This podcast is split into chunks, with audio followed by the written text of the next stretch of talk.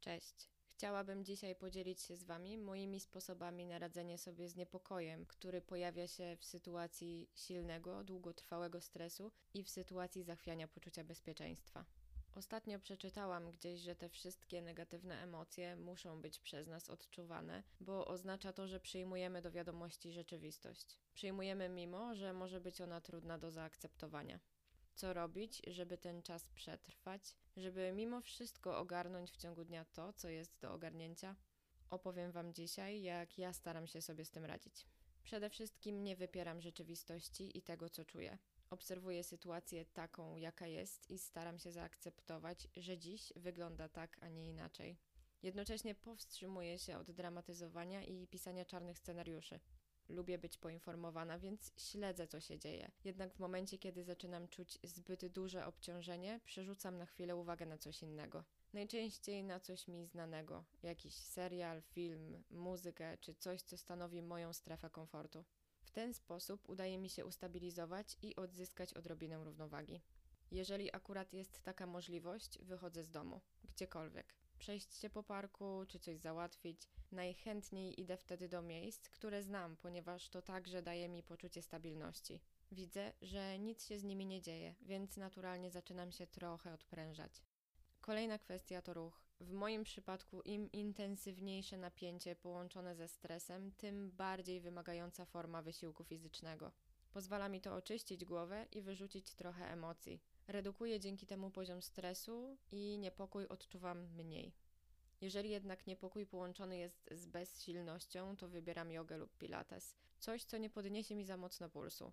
Coś, co wymaga utrzymania pozycji, skupienia się na oddechu i precyzyjnych ruchach. Być może też tak macie, ale kiedy niepokój towarzyszy mi dosyć długo, to mam duży problem ze skupieniem się. Nie idzie mi wtedy w pracy, nie jestem w stanie czytać książek, mam problem z uczeniem się.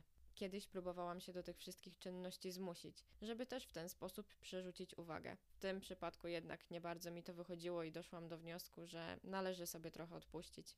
Staram się wtedy nie być w stosunku do siebie zbyt surowa. Próbuję też werbalizować moje emocje. Mimo, że wypowiedzenie ich czasami nic nie zmienia, to jednak rozmowa może pomóc przetrwać trudny czas ludzie różnie reagują, więc jest szansa, że pojawi się jakaś nowa perspektywa czy mechanizm, który będzie inspirujący. Na pewno warto rozmawiać, spotykać się i wspierać.